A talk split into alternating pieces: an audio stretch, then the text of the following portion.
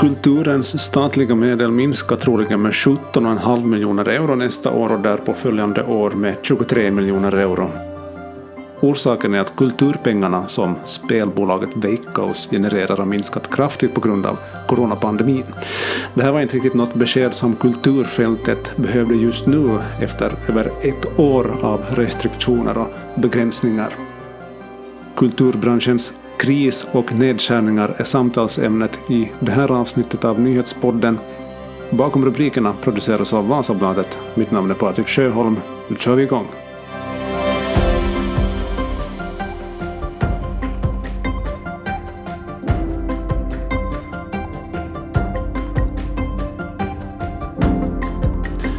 Patrik Back, kulturchef på Vasabladet. Det här beskedet om nedskärningar i kulturen, det här strör väl bara salt i såren?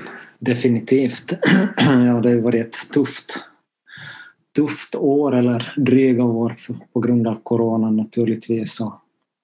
Och nu hade väl många hoppats på, om inte en lättare situation så kanske mindre svår, men, men det här är ju bara fortsättning på eländet känns det som.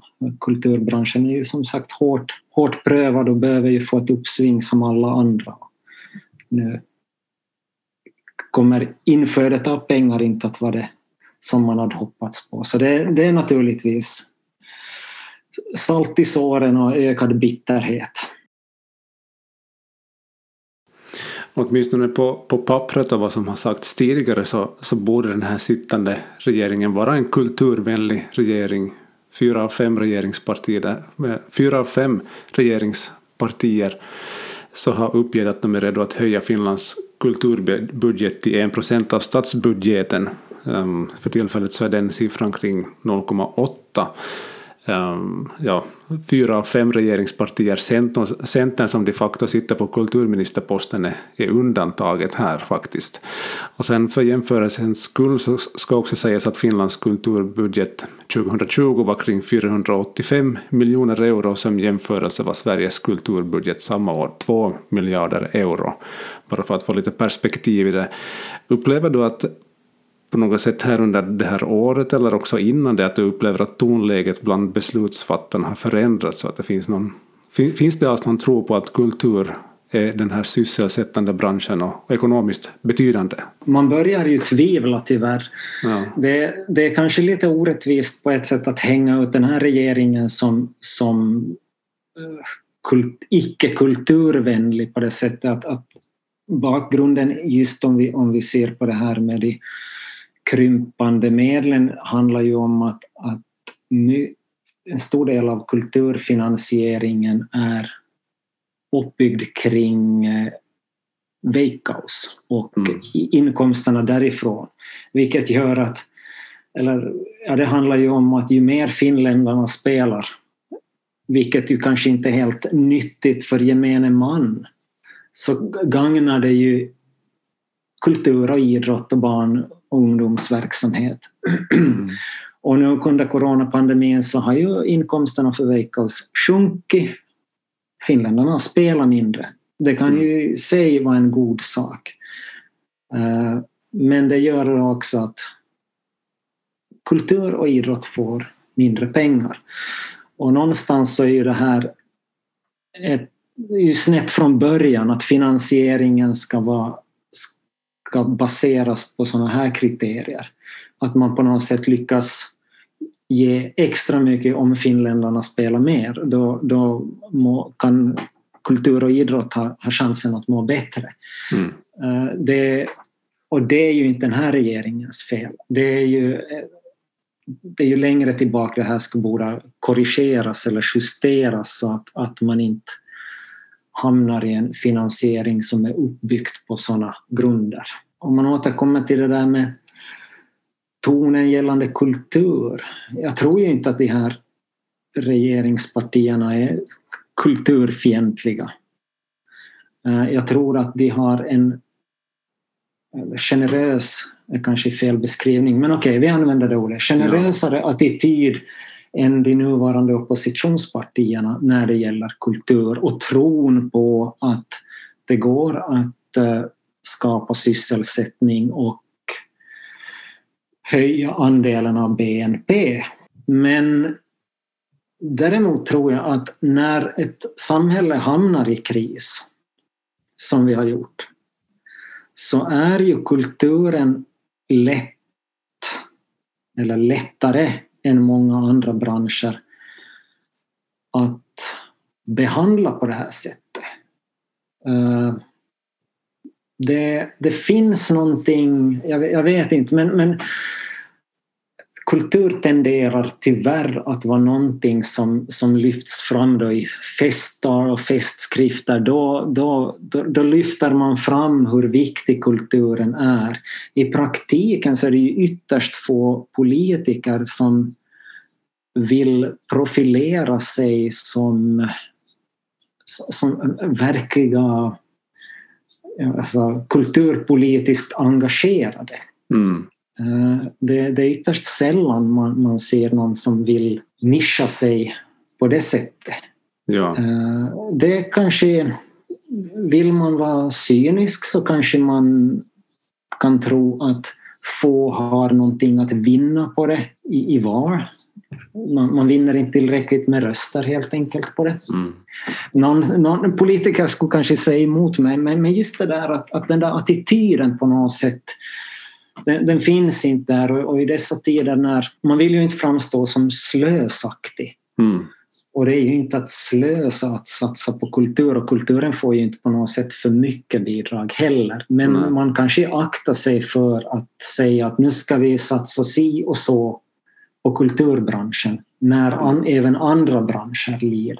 Mm. Att, att den här tendensen att, att om det går bra i samhället i stort då kan man satsa där också på kulturen men, men när det är mjukt överallt så då, då är det tufft för kulturen också och då är det ingen som riktigt ställer sig upp. Mm, mm. Och det där ser vi också ända ner, ända ner på kommunal nivå om det blir kärvt i kommunerna så är det, då, då är det kultur som, som ofta kommer upp på sparlistan. Man ska komma ihåg att det finns andra faktorer. Det, det är naturligtvis viktigt att, att skapa sysselsättning i städer och kommuner. Man vill locka folk med att erbjuda arbetstillfällen. Mm. Man ska naturligtvis ha, ha, ha vård, skola och omsorg i skick. Men i dagens värld så, så vill ju också folk ha en värdefull fritid på något sätt. Man, man värnar om den.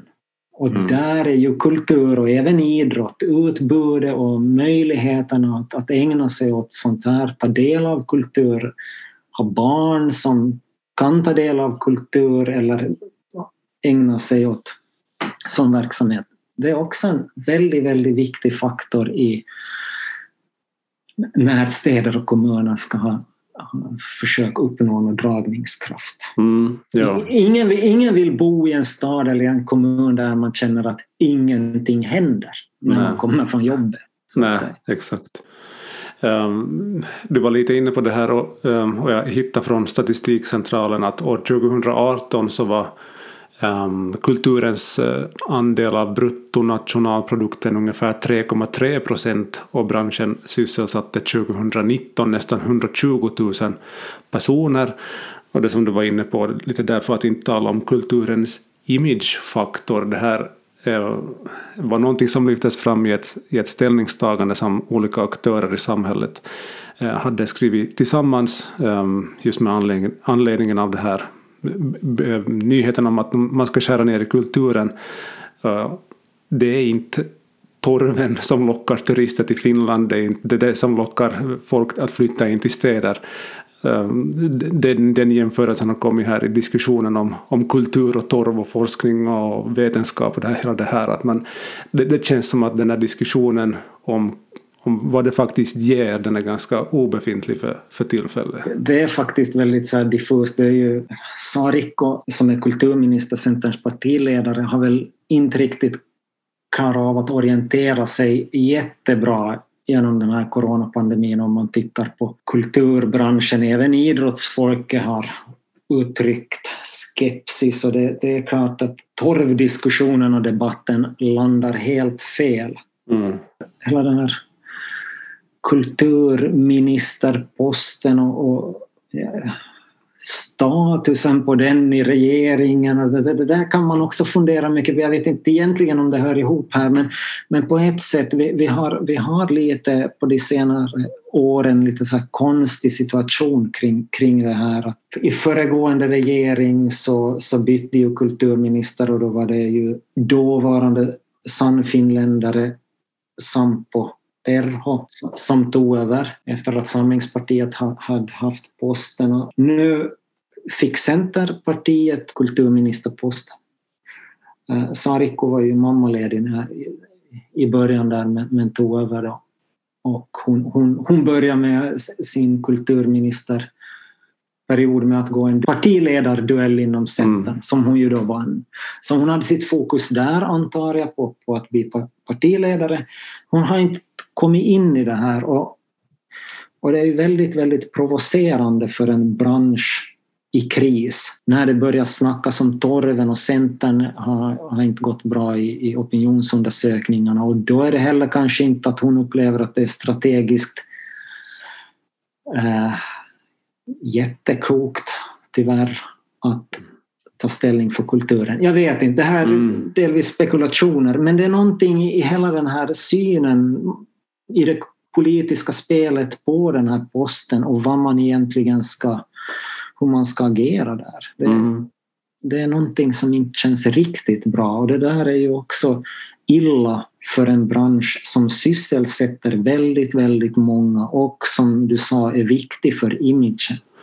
Här var ju då just kulturministern Sarikko lyfte själv upp den här eh, frågan om eh, restriktioner och kultur på, på Twitter här för någon dag sedan och, och hänvisade till att många hade kontaktat henne om att Finland öppnar upp på ett ologiskt sätt. Det vad jag nu vet i alla fall ett av de liksom få sådana här uttalanden som har kommit om hur, hur kulturen påverkas av det här. Hon skrev det här med att man, ja, man får dricka en kaffekopp på ett café men inte i samma utsträckning gå på en konsert, inte ens med munskydd eller säkerhetsavstånd. Och jag noterar att också under dagens presskonferens som Institutet för hälsa och välfärd fick så fick också Eh, direktören Mika Salminen den här samma frågan och han, han hänvisar till att det är lag, lagstiftningen är inte optimal för pandemibekämpning, det är bara så det är. Um, men just med tanke på det här att konserter och teatrar har inte nu då ens fått öppna ordentligt på grund av restriktioner och nu, nu ska drabb, eh, branschen drabbas av nedskärningar. Statistikcentralens siffror säger att kultur och konstfältet är ett av de värst drabbade serviceyrkena under pandemin. Hur tror du? Hur går tankarna hos kulturfolket i dessa tider? Det jag nu vill klargöra här är att, att det man kulturbranschen har ju naturligtvis förstått allvaret i pandemibekämpningen och mm. vet mm. de är ju inte intresserade av att ha på det sättet haft öppet hela tiden. Det är inte så att vi vill de vill ju inte ta några risker, det, det måste man ha klart för sig ja. när, när man tar del av det här. De har ju utarbetat väldigt, väldigt uh, gjort sitt yttersta för att utarbeta säkra evenemang men det är ju dels en känsla av att de inte ens får möjlighet att så att säga verkställa sina allt det de har arbetat fram för att, mm. att folk ska känna sig trygga. Så det är ju en bitterhet att de på något sätt var först som stängt ner och så blir det de sista som får öppna upp igen. Ja, ja. Och ser man, ser man naturligt på det, eller sådär nästan instinktivt på det. Så det är kanske sådär, ett virus sprids. Vi ska undvika folksamlingar. Men naturligtvis är det ju instinktivt en rädsla för att gå in i teatersalonger eller trånga konsertlokaler. Så där. Det är ju förståeligt. Men då är det ju den där känslan av att orättvisa när det kan sjungas på nattklubbar och karaokebarer och det, det sitter folk på uteserveringar. Faran är ju med det här att det urholkar förtroendet för mm. politiken, för beslutsfattarna. Man ser att den här synen blottas. Mm. Att ja, vi var inte mer värda än så här. Ja. Och det är ju naturligtvis ödesdigert Mm. Att man känner att man, man försöker göra någonting och det värdesätts inte överhuvudtaget. Det är lätt att ta de här stora grejerna som festivaler till exempel. Vi står inför sommaren här. Mm. Eh, en, ett evenemang i, i, som Porjas i Björneborg eh, som pågår i över en vecka mm. och som drar jättemycket folk till Björneborg. Det är ju inte bara att gå på konsert, det där är ju som att när man räknar ju med att man har uträkningar för hur mycket varenda besökare lämnar kvar i form av pengar. Sådana här kulturevenemang faller bort, inte kan arrangeras i sommar. Då lider ju också restaurangägare, barägare, krögare, alla alltså det, det blir ju ringar på vattnet. Mm. Hotellägare, nu kanske folk på något sätt kompenserar med att det turistas i Finland istället för utlandsresor. Porjas har enorm betydelse för den stan. I Vasa försöker man bygga upp liknande evenemang. Man har inte samma publiksiffror än men Vasa festival i augusti räkna med om man har 10 000 människor i, i, i Vasa centrum eller i, inre hamnen på festivalområdet. De rör sig i stan också. Det påverkar jättemycket och känner man då att det där inte man får inte stöd med ekonom, för ekonomiskt bortfall, det, det, är klart att det påverkar och mm. det är risk för att, att kompetent folk söker sig till andra branscher. Skulle jag vara politiker så skulle jag kanske akta mig för att hålla något festtal nu för tillfället där man hyllar kulturens betydelse för det kan nog slå tillbaka mot, mot en själv om man börjar prata om något sånt i det här läget. Du var inne här på sommarevenemangen. Jag tänker som en, som en slags avslutning av det här avsnittet. Det här är en av de sista poddavsnitten av Bakom rubrikerna före ett litet sommaruppehåll. Um, vad är det senaste vi vet om kommande sommarevenemang i, i Vasa och Österbotten? Mm, vad vi vet just nu, vad ser du, hur, hur sannolikt kan vi, är det att vi kan se fram emot festivaler och sånt? Det har ju varit lite avvaktande här nu på, på senare tid. Men vaccinationen, åtminstone i Vasa, nu handlar det ju inte bara om Vasa, men, men takten har ju varit god. Här, här i Vasa vaccineras ju 40-plussare för tillfället och det är mm. första omgången. Till exempel Big Day Summer Festival som har en, de, de har ju inte meddelat ännu att de ska skjuta fram sin festival som är i juli. Mm. Vasa festival har utgår ju också från att i augusti ska det vara möjligt. Jag vet att de har sådana planer att de, de kan justera sådär med ganska kort varsel. Så jag tror de, de sitter ju och avvaktar i, i nuläget. Det vi kan, kan se, förmodar jag, i kulturväg det är ju exempelvis utomhuskonserter med med begränsad publik inom sådär som kommer upp med ganska kort varsel. Mm. Sommarteatrarna har ju också aviserat att det, det, det, blir inte så många sådana i Österbotten. Men en liten intressant notering som jag fick, det bara droppade in i mejlkorgen idag, att, att Vasas mest omtalade terrass, den vid inre hamnen, ja. ändå i andra sammanhang för toalettbyggen och sånt. Ja så brukar ju ha ett, ett digert uh, musikutbud på sommaren. Men uh, nu i, i, i sommar så är det ju alltså inre det, alltså på terrassen uppträda finska toppnamn som uh, Olavi Uusi, Virta och vad det Evelina eller det är riktigt så här topp, finska toppnamn. Ah. Det är ju, antar jag, alla behöver spelningar det är alltså möjligt att boka den här typen av artister. De vill säkert ut och spela. Det ordnas inga festivaler i juni så almanackan är blank. Så om det inte kommer någon bakslag med mutationer som, som vaccin inte tror på eller någonting så finns det ju, känns det som en möjlighet att, att få ta del av, av musik och möjligtvis kanske också någon form av teater på, på vissa ställen utomhus i sommar. Den ljusglimten tycker vi ska ha med oss nu när, när sommaren nu närmar sig. Tack ska du ha, Patrik Back. Tack själv.